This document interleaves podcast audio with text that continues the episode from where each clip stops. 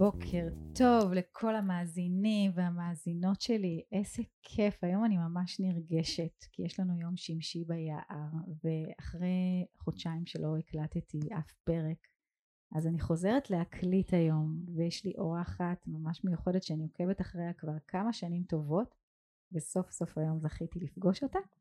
אימי ירון מחברת לייקר רינבואו שעוסקת בניהול נרטיב ותרבות ארגונית באמצעות פלטפורמות דיגיטליות ואנחנו הולכות לדבר היום, יש לי מלא מלא נושאים ויש לנו חצי שעה אז אנחנו נחלק את המפגש לשלושה חלקים, אנחנו נדבר על אה, נשים ומגדר ושוויון, אנחנו נדבר על מנהיגות בזמן משבר, אנחנו נדבר על מה זה אומר ניהול נרטיב ותרבות ארגונית ואיך זה קשור עובר מעלינו מטוס ויש רעש, לא נורא. החיים. אז בוקר טוב. בוקר טוב, איזה כיף להתארח פה ביער הקסום הזה שלך, וואו, איזה כיף. תודה. תגידי, אימי, אז uh, עשית שינוי, היית uh, עשר שנים, uh, ייסדת את סלון האתר הנשים, עשית מהפכה והחלטת לעבור הלאה. אמ, את יודעת, לחיים יש דינמיקה, ואני חושבת שהדבר הכי טוב וחכם שאנחנו יכולים לעשות זה לא להתנגד לה, אלא להסתכל גם בתוך עצמנו וגם בחוץ, אה, ולהבין אם אנחנו צריכים אה, לזוז הלאה. כן. אה, ואני חושבת שיש כל כך הרבה דברים ש... שאנחנו יכולים לעשות, שאני יכולה לעשות, אז את יודעת, למה לא לחקור לחקור עוד, אה, עוד אזורים. לגמרי. אז מה יצאת לחקור ומה גילית? אז קודם כל... אה, לאן התשוקה שלך לקחה אותך? אני הבנתי שהכי, אה, הדבר שהכי מעניין אותי זה הקול עם גוף, קול במובן של voice. וכשהסתכלתי אחורה על כל, ה, על כל הקריירה שלי ועל כל השנים שעבדתי, גיליתי שתמיד התעסקתי בקול, בפיתוח קול. אני אומרת שאני מורה לפיתוח קול. וואו. אמ, כמעט 20 שנה בעולם הפרסום אה, התעסקתי בפיתוח קול של מותגים, כדי, אה, את יודעת, לבנות אסטרטגיה מותגית ואסטרטגיה תקשורתית. אחר כך עשר שנים פיתוח קול של נשים ועזרה לנשים להיכנס לעולם, לעולם הדיגיטלי ולהשמיע את הקול שלהם על פלטפורמות שלא היו מוכרות ב-2010 כש, כשהקמנו את המיזם. אה, והיום בלייקה ריינבו אני מתעסקת בקול אה, של אנשים וארגונים, אנשים בתוך ארגונים, אה, כי אני מרגישה שיש שם חוסר מאוד גדול בניהול, בניהול הנרטיב. כי ארגונים יודעים לנהל מצוין פיתוח מוצרים ומכירות ולוגיסטיקה ו- וניהול, ויש שריר אחד מאוד מאוד חשוב שברוב הארגונים הוא לא מספיק מפותח, אולי כי חושבים שהוא לא מספיק חשוב, שזה בעצם ניהול הנרטיב. אמ, הנרטיב זה בעצם הסיפור הגדול, הדרך הגדולה, זה כולל בתוכו דברים שאת מתעסקת בהם בייעוד, זה כולל בתוכו את, ה, את המיתוסים, את המיתולוגיות. ואני מאמינה שניהול נרטיב הוא, הוא לב ליבו של, של כל ארגון, לא משנה אם הוא גדול או קטן ולא משנה מה המבנה שלו, אבל כשאנחנו אוספים אנשים ביחד, לא משנה באיזה, לאיזה סיבה, ואנחנו רוצים לייצר משהו, לבנות משהו שהוא סוסטיינבל, אנחנו מוכרחים כל הזמן להזכיר להם למה הם פה, מה אנחנו עושים פה ביחד, איך אנחנו עושים את זה, מה המשמעות שאנחנו מביאים לעולם ולעצמנו, ואיך כל אחד מאיתנו יכול לקחת חלק ב, ב, בדבר הזה, בקבוצה הזאת, ואת זה צריך לנהל, את כן. הסיפור הזה צריך לנהל. ובאופן טבעי, הנרטיב הארגוני אמ, נזנח ולא מנוהל, כי אנשים, לא כי אנשים לא רוצים, כי אנשים פשוט מאוד עסוקים בדברים אחרים, עסוקים בלנהל את הביזנס, עסוקים לנהל פיתוח מוצרים, בעיקר טכנולוגיים, אנחנו עובדים בעיקר בקרב חברות טכנולוגיה, ואני נורא שמחה לעזור אה, בזירה הזאת, שאני מאמינה שהיא מאוד מאוד, אה, מאוד חשובה. והדרך שבה אנחנו, אנחנו עוזרים היא באמת להזכיר לארגונים שמספרי הסיפורים הכי טובים שלהם זה העובדים, והשותפים הכי טובים והכרחיים להצלחה של כל דבר כן. אה, זה העובדים. אה, ובפלטפורמות שאנחנו בונים, פלטפורמות ההדהוד או פלטפורמות הנרטיביות, מי שבעצם ממלא תפקיד ראשי זה העובדים. מה קורה לעובדים בתוך תהליך כזה? קורים כמה דברים. קודם כל, בתפיסה שלנו, כשאנחנו ניגשים לעבודה הזאת ואנחנו מבינים שאנחנו רוצים לשים את ה... בעצם לקדם את העובדים לקדמת הבמה, כדי שהם יהדהדו את הנרטיב הארגוני. אה, זה יכול להיות בזירת, אה, בזירת הפיתוח הטכנולוגי, זה יכול להיות בזירת המכירות, זה יכול להיות בזירת ג'נדר uh, אקוולטי, לא משנה באיזה זירה שאנחנו רוצים לקדם. ברגע שהעובדים מקבלים בעצם תפקיד ועוברים לקדמת הבמה, הם בעצם מקבלים גם, גם, קרד, גם מנדט וגם קרדיט, וגם הרבה מאוד כלים לספר את הסיפור. ברוב המקרים, כשאנחנו ניגשים לבנות את, את הפלטפורמה בתוך הארגון, העובדים אה, צריכים לעבור איזשהו תהליך של הכשרה. כן. הם צריכים להיות יותר טובים בדרך שבה הם מספרים סיפור. אז אנחנו מעבירים אותם תהליך הכשרה, שהכלים שאנחנו מקנים להם הם כלים מאוד מאוד רלוונטיים, שמשמשים אותם גם לאורך הקריירה.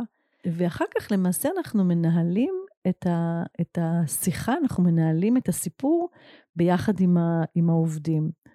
ומה שקורה זה שבאמת אני עדה לזה שכשאנשים מקבלים קול, אגב לאורך כל השנים שלי, כשאנשים מקבלים קול, הם מקבלים כוח, הם מקבלים תחושת ערך, הם מקבלים תחושת משמעות, הם, הם אה, יכולים אה, אה, להביא הרבה יותר ערך, הם מקבלים חשק ליזום ולעשות דברים. אז אני מוצאת שאני נמצאת במקום שאני מאוד מאוד אוהבת להיות בו. מאוד אוהבת לראות אנשים צומחים בזירת ה-voice, מאנשים שעשו דברים מדהימים, אבל לא דיברו עליהם. אה, כשאנחנו נכנסים ומאפשרים להם לדבר, אנחנו רואים אה, גם שמחה מאוד גדולה, המון המון שמחה, אה, והמון גאווה, והמון סיפוק, והמון כוח ש, שנולד שם.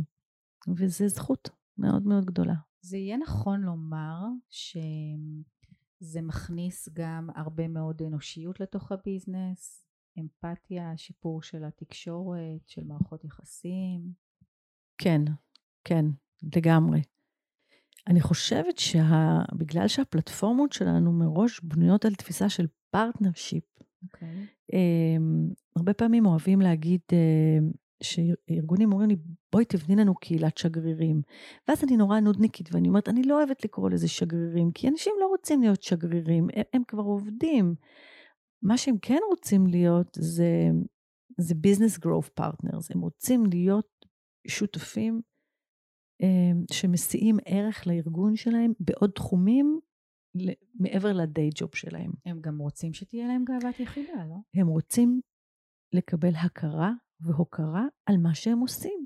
והשיטה הזאת שלנו, בעצם התפיסה של ניהול נרטיב ארגוני ביחד עם העובדים, מאפשרת לעובדים בעצם פעם ראשונה לקבל אה, הכרה על העשייה שלהם, כי תקשורת ארגונית מסורתית בדרך כלל קורית בשני צירים, היא קורית באזור ה-PR, אה, יחסי הציבור, והיא קורית בפרסום. לעובדים אין חלק שם. לא, אין להם חלק בתקשורת הארגונית הממוסדת. כן. ואנחנו בעצם בונים תדר חדש, אני קוראת לו התדר השלישי, שהוא תדר של אנשים לאנשים, זה נקרא P2P, כן. וזה באמת התדר שבו פועלות היום הרשתות, רשתות התקשורת, הרשתות החברתיות, הסיפורים, הנרטיבים של המאה ה-21 הם סיפורים רשתיים. הם סיפורים שעוברים מאדם לאדם, וזאת בעצם הזירה שאנחנו רוצים לעזור לארגונים להיות uh, שחקנים בה. תגידי, אנחנו חייבות להתייחס לנושא הזה שבסך הכל אנחנו בשנה מאוד מאוד קשה, גם ברמת ביזנס, גם ברמת ארגונים. אה, אפשר לראות הרבה מאוד אה, הישרדות, אה, רצון רק לייצר תפוקות. איך, איך הם מסבירים את, באמת את הכוח של ה... לספר סיפור ולשמר את המורשת ו- ולפתח את כל הדברים הנפלאים האלה שאת עושה בתוך כזה משבר. לשמחתי, אה, יש הבנה מאוד גדולה. תוסיפי לכל הצרות את העבודה מרחוק. כן. זה מפורר. זה מפורר את הביחד, זה מפורר את, ה, אמ, את, ה, את התחושה של ה... את ה-team spirit. ואני חושבת שרוב הארגונים מספיק חכמים ומבינים שדווקא עכשיו, דווקא בתוך קושי, ובאמת מתוך ההבנה שההון ההון האנושי זה הדבר הכי משמעותי שיש לארגון. מה זה ארגון? זה לא, כן. זה לא משרדים. כולנו הבנו שארגון זה לא משרדים, כי אף אחד לא בא למשרדים. אה, זה לא שולחנות וכיסאות, בסוף זה אנשים, זה ההון האנושי. מה מניע האנשים? שלושה דברים מניעים אנשים. משמעות, תחושה שהם נמצאים במקום שבו הם מביאים איזושהי משמעות או חווים איזושהי משמעות. Mm-hmm. הדבר השני זה השייכות שזה נפגע מאוד מאוד. הקונקטיביות, השייכות גם לחברים וגם למקום העבודה. כן. והדבר השלישי זה התחושה שאני יכול להביא ערך. כל כן. אחד יכול להביא ערך. וכשהמרחק והאתגרים, ככל שהמרחק גדל והאתגרים גדלים, יש צורך לייצר דבק בצורה יותר משמעותית ויותר מנוהלת. כי תחשבי, הדבק האנושי שהיה בעצם לפני הקורונה, הוא היה הדבק הלא רשמי. כן. השיחות מסדרון, מה שנקרא water fountain conversation, מה שקרה שנייה לפני הפגישה, מה קורה במשפחה, מה עם הילדים. כל זה מאוד מאוד נפגע. הרקמות, אני אומרת שהרקמות הרכות נפגעו. כן. הרקמות הרכות שלא היה צריך להשקיע בהן, כי הן פשוט קרו בעצמם מעצם היותנו בני אדם. הרקמות הרכות מאוד נפגעו, ואותן צריך לשקם. וכדי לשקם אותם צריך כנראה לעשות את זה בצורה, בצורה מנוהלת, בצורה מודעת, בצורה ש, שבעצם תיזום אה, חוויות מדביקות. כן. קהילות, כן. אה, תהליכים באמת שמאפשרים לעובדים להיות שותפים בסיפור הארגוני, שזה בעצם מה שאנחנו עושים, להיות שייכים לקהילה מסוימת שהיא לא פיזית, אנחנו עובדים כל הזמן בממד הדיגיטלי, וירטואלי, ועדיין מצליחים לייצר שם, אגב, אנחנו עובדים גם בממדים גלובליים. Mm-hmm. אני רוצה להגיד לך שאנחנו מצליחים, ופה באמת כל הקרדיט הוא למנהלות uh, הקהילה הנפלאות של הריינבו, uh, הדר ביסמוט, uh, יערה דיסגני וקרין שור, שאני מסתכלת בפליאה על הקסמים שהן עושות, בשיקום הרקמות הרכות, בשיקום החיבורים וה, ותחושת השייכות והמשמעות. באמצעות ניהול הקהילות. באמצעות ניהול הקהילות, כשכל קהילה אגב יש לה דומיין אחר, יש לה מטרה אחרת, כן. אבל הכלי הזה, שהוא דיגיטלי והיום הוא בעצם בדיוק עונה על הצורך בעידן של ריחוק, הוא באמת להשאיר את הלבבות מחוברים, את המשימה ברורה ואת, ה, ואת הדבק הזה של, ה, של, ה, של הטאסק פורס. כן. אמ, ואת ה, וגם את הלהבה, להבעיר את הלהבה כל הזמן, למה אנחנו פה, ושיהיה לנו טוב לעשות את מה שאנחנו עושים, ושנסתכל על הצדדים הווירטואליים ונראה את החברים שלנו אה, נמצאים לידינו, גם אם זה לא פיזי. כן. תגידי, מה מצריך, איזה מיומנויות או תכונות או יכולות או חוזקות צריכות להיות במנהלים אה, מהסוג הזה שמובילים כזה דבר מופלא, שהם מוכנים להקדיש זמן ומשאבים לעשות כזה תהליך. אני חושבת שמה שמאפיין uh, את כל המנהלים uh, של החברות שאנחנו עובדים איתם זה, זה ה-caring לעובדים וההבנה אה, שמצד אחד העובדים הם באמת, ההון האנושי הוא משאב הכי חשוב, והדאגה האמיתית אה, להשאיר אותם מחוברים, וגם ההבנה שהנכס הכי גדול, לא רק ברמה התפקודית והיצורית, הוא העובדים, אלא גם ברמה הנרטיבית. כי אין סיפור ארגוני טוב יותר מסיפור של עובד שמפתח את המוצרים ממקור ראשון. זה כן. בדיוק לא לדבר על, אלא לעשות את. כן. הרבה יותר מעניין לשמוע את מי שסיים עכשיו לפתח אה, איזשהו צ'יפ עם ננו-טכנולוגיה, הרבה יותר מעניין להבין את האתגרים ולהבין מה קרה בצוות ולה, ולשמוע את זה אה, ממקור ראשון מהבן אדם שהיה hands on על הדבר הזה, אה, בעיניי, מאשר לקרוא ידיעה בעיתון שזה קרה ואיזה יופי ו- וכל הכבוד, וכל הכבוד לחברה. אנחנו בעצם מביאים לקדמת הבמה סיפור שהיה תמיד מאחורי הקלעים, והוא הסיפור המקצועי אה, של העובדים שעושים כן. את העבודה, והוא בעיניי גם הכי מעניין, והוא תמיד גם מאוד מאוד אישי. כן. וזה מה שהופך אותו לעוד יותר מעניין. כי בסוף אנחנו מגיבים לסיפורים של אנשים, ואנשים אוהבים לשמוע אנשים. נכון. ולהקשיב לאנשים, ואני חושבת שאנחנו גם מאמינים יותר לאנשים, אז אני חושבת שהצלחנו לייצר פה פלטפורמה שהיא ווין ווין מוחלט. כן. גם לעובד שמקבל בעצם במה ו- ובולטות וקרדיט ומיתוג אישי, שזה תחום ככה מאוד מתפתח היום, אישי מקצועי, בזירה המקצועית. וגם לארגון שבעצם יכול לספר את הסיפור שלו בהרבה מאוד ערוצים שארגונים לא היו נוכחים בהם.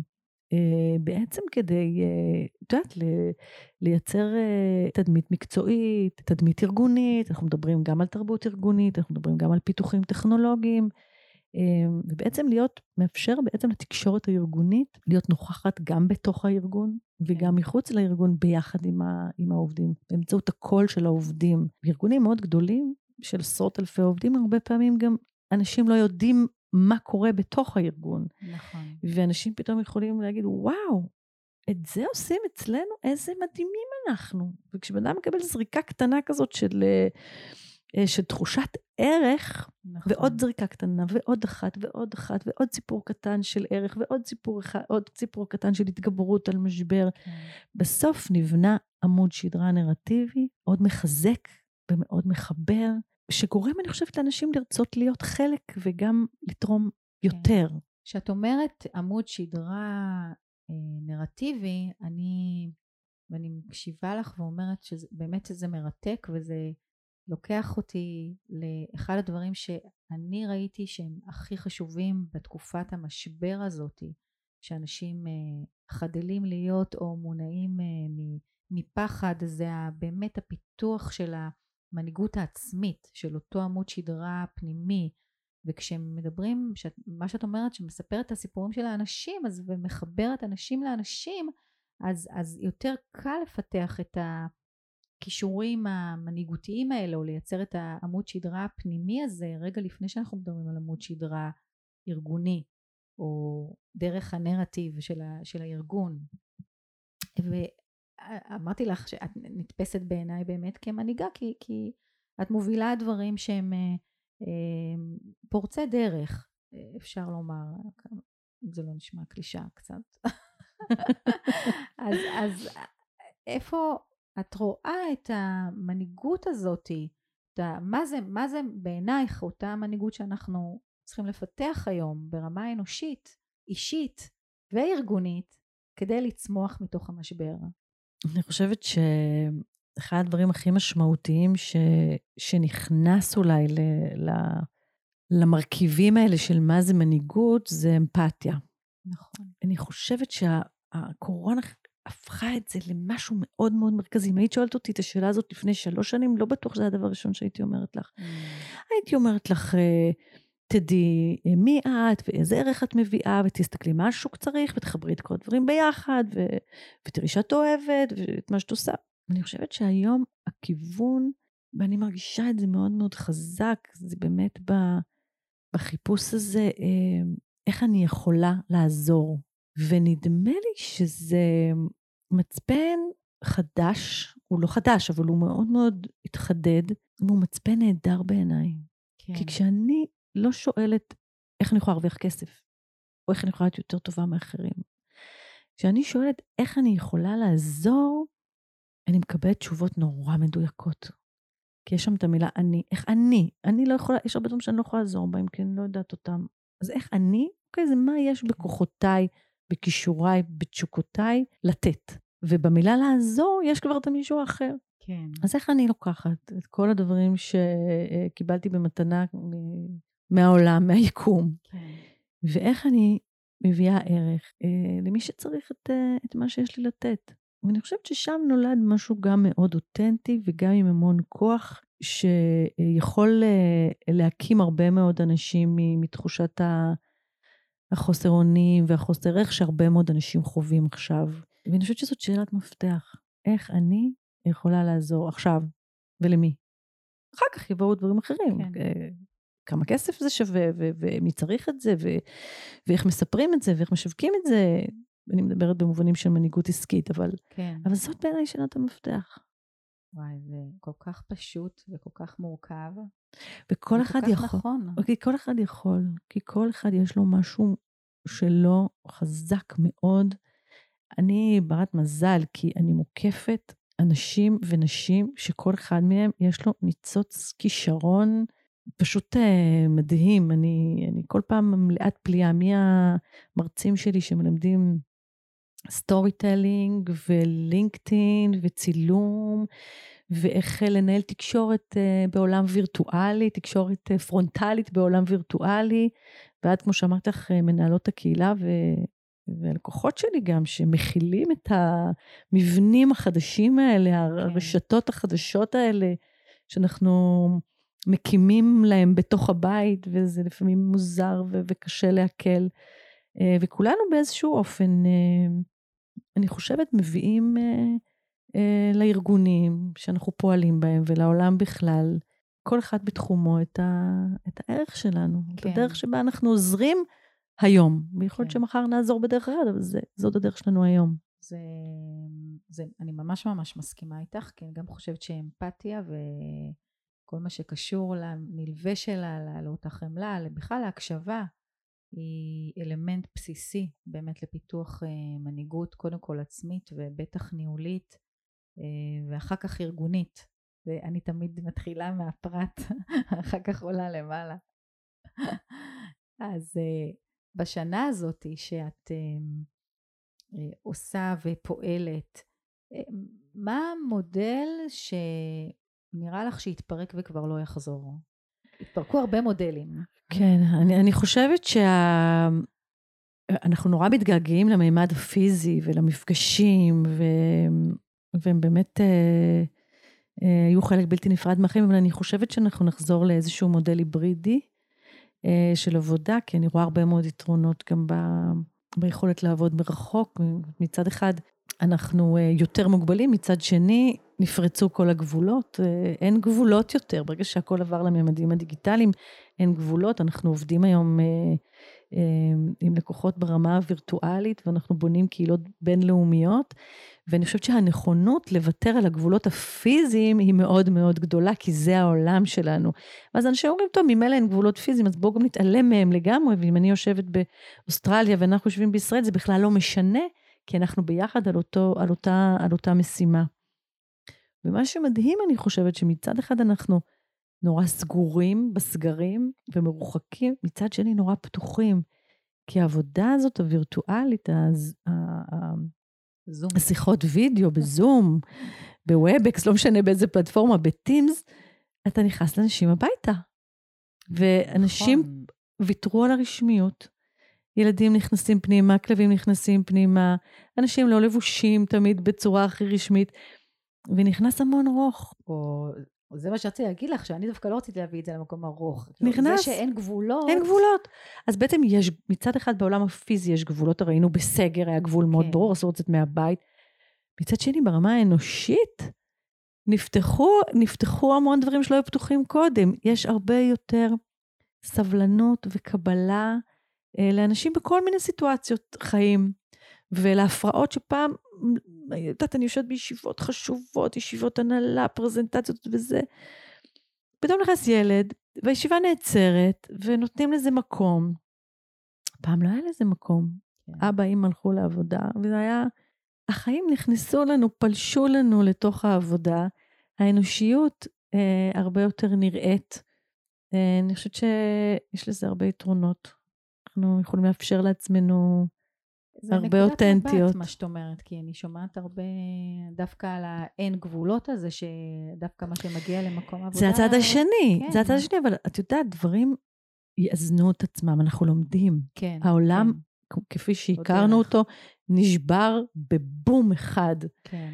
המון מבנים יבנו את עצמם מחדש, ודברים יגיעו לאיזון. כן. הגבולות שלנו באמת שנפרצו לטוב ולרע, עד כמה צריך את העולם הפיזי, מתי כן, מתי לא. אה, אני חושבת שקיבלנו הזדמנות לבנות מחדש המון המון המון דברים. ככה אני מסתכלת, כן, זו הזדמנות כן. ממש לריקונסטרקציה נכון, של נכון. מציאות, ומותר לנו לבחור מה מתאים לנו ומה לא מתאים לנו, ו... ולסדר את ה... כן. לסדר את כל המרכיבים מחדש על, ה...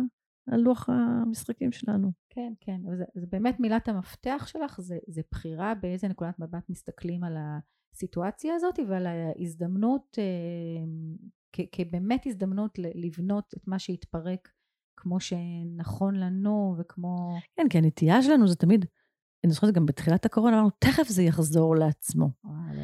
אבל אפשר לשחרר את זה, אפשר כן. להגיד, אוקיי, זה המצב, בואו נראה איך אנחנו בונים אותו מחדש. בואו נראה איך אנחנו בונים אותו מחדש כדי להשיג את, המטרות אה, שאנחנו רוצים להגיע אליהן, מה צריך לחזק, מה אפשר לשמוט. יש דברים שאפשר לשמוט, לשחרר אותם. וגם להגדיר. מחדש מה המטרות שלנו. כן, אני חושבת שהתקופה הזאת היא באמת אה, משק כנפי ההיסטוריה, כן, כנשמע פה. באוזניים של כולנו.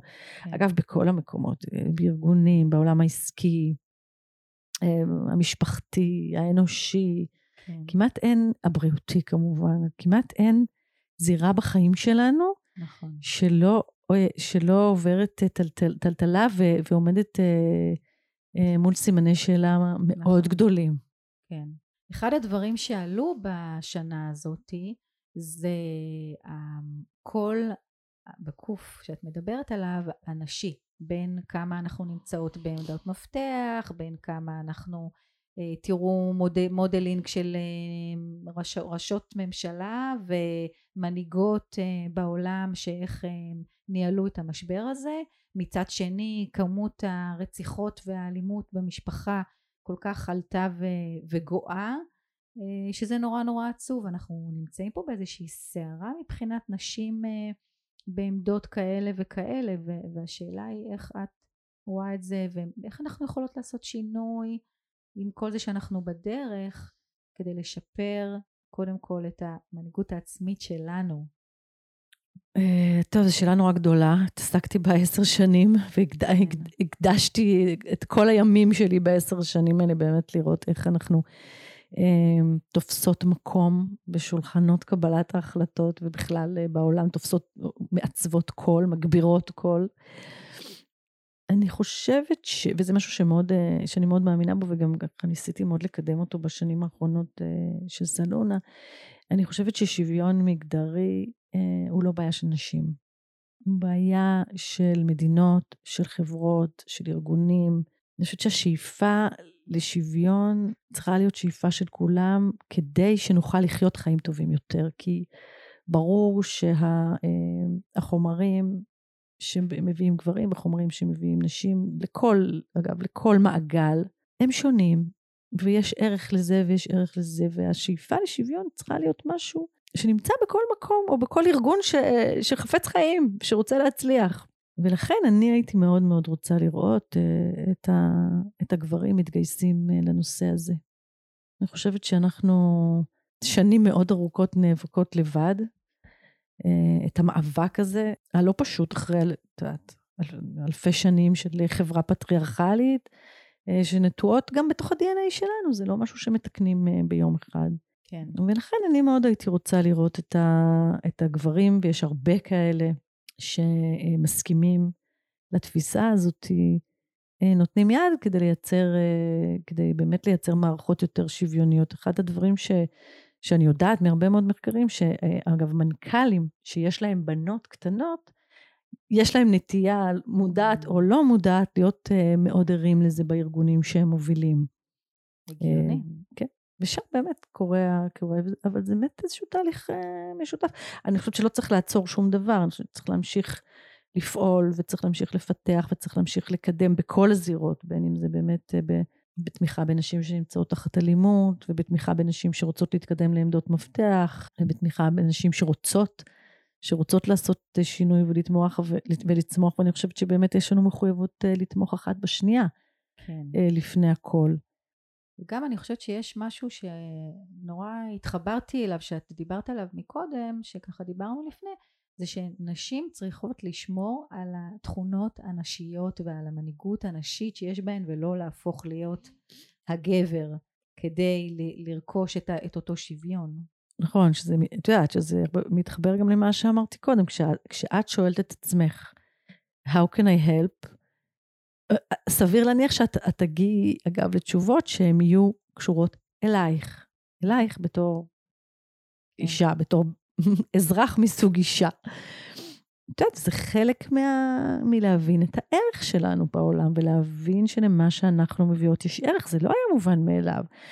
העולם נוהל uh, אלפי שנים על ידי גברים. מי שרצתה להיכנס למועדון הסגור הזה הייתה צריכה לפתח אה, מרפקים ושרירים, ואת רואה הרבה מאוד נשים שאימצו קודים גבריים, ואני לא מאשימה אותם, בשביל להיות חלק מהמערך הזה ולהתקבל אליו, היה צריך הרבה פעמים, אה, את יודעת, לפתח אה, שרירים ותכונות גבריות. אבל אני חושבת גם שעם הזמן אנחנו גם נפתחות להבין שאנחנו לא צריכות אה, אה, להיות מי שאנחנו לא, שיש לנו ערך גדול מאוד מאוד אה, בפני עצמנו.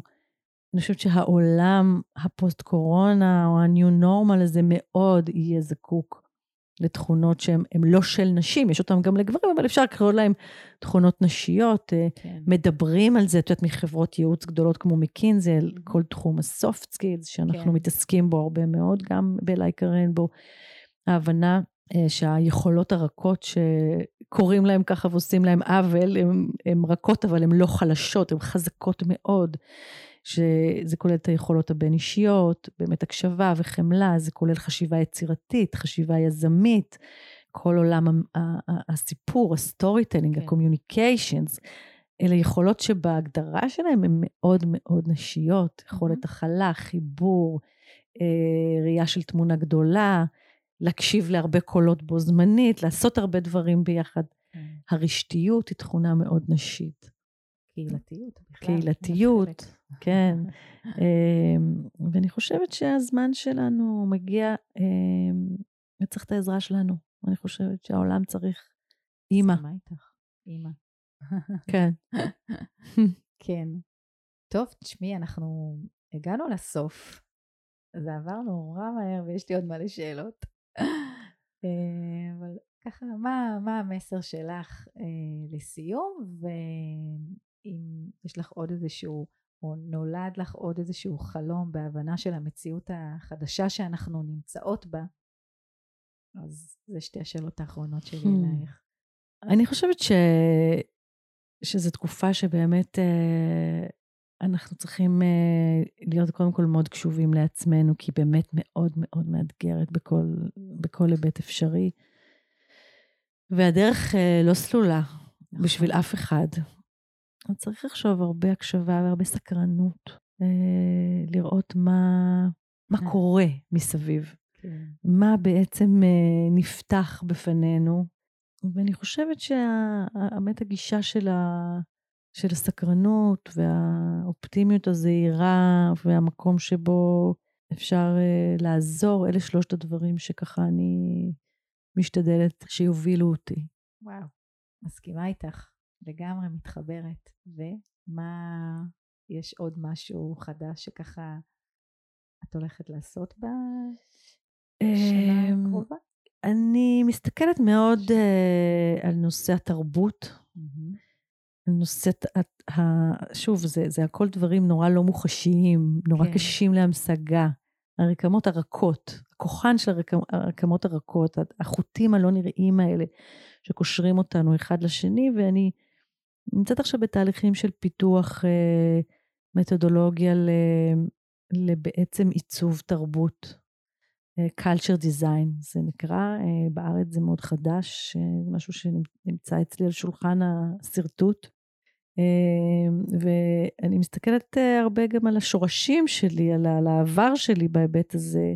גדלתי בקיבוץ, וקיבוץ הוא דוגמה, פשוט uh, case study מושלם לקלצ'ר דיזיין, uh, מכלום לחברה, לתרבות שהיו לה טקסים ומשמעות וחינוך ו, uh, ודרך לעשות דברים, ואני חושבת שגם עשתה אה, הרבה דברים משמעותיים אה, במדינה, תרבות שהצמיחה הרבה מאוד אנשים שהצמיחו.